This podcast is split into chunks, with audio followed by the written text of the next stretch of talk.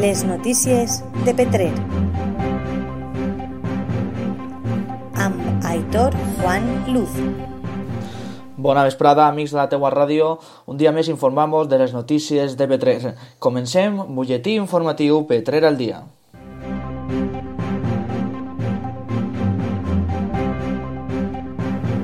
Els primers escolars dels centres petrerins ja han pogut gaudir del Saló del Còmic, un total de 2.500 alumnes des d'infantil fins a primària.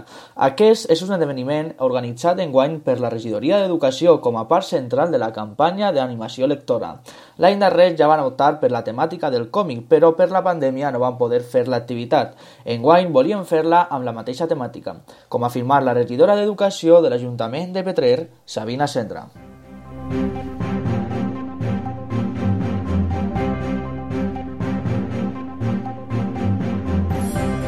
Avui hem pogut saber que l'Escola Municipal Espeixos tindrà menjador gràcies a una inversió municipal de 100.000 euros. Així ho ha avançat aquest matí en roda de premsa l'alcaldessa de Petrer, Irene Navarro Díaz, amb la presència de Sabina Sendra, regidora d'Educació, la qual ha volgut añadir que és una demanda de la comunitat educativa i volem avançar en tots els serveis que oferim a les famílies.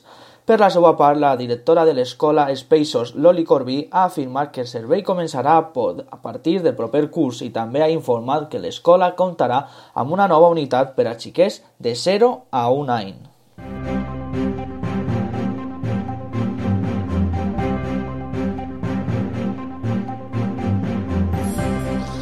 D'altra banda, l'Ajuntament de Petrer informa que les darreres setmanes, a causa de la gran afluència de gent per la Setmana Santa, l'àrea de Ferrusa ha sofrit diversos trencaments i demanen a la població i als usuaris que es treballi de tot cuidar els nostres paratges naturals. Per acabar, Policia Local de Petrer informa que demà divendres 16 d'abril hi ha canvi d'estacionament per quincenes en alguns carrers del municipi. Gràcies per escoltar la teua ràdio. Com sempre, la teua ràdio és la teua veu. Fins demà. Les notícies de Petrer. Amb Aitor Juan Luz.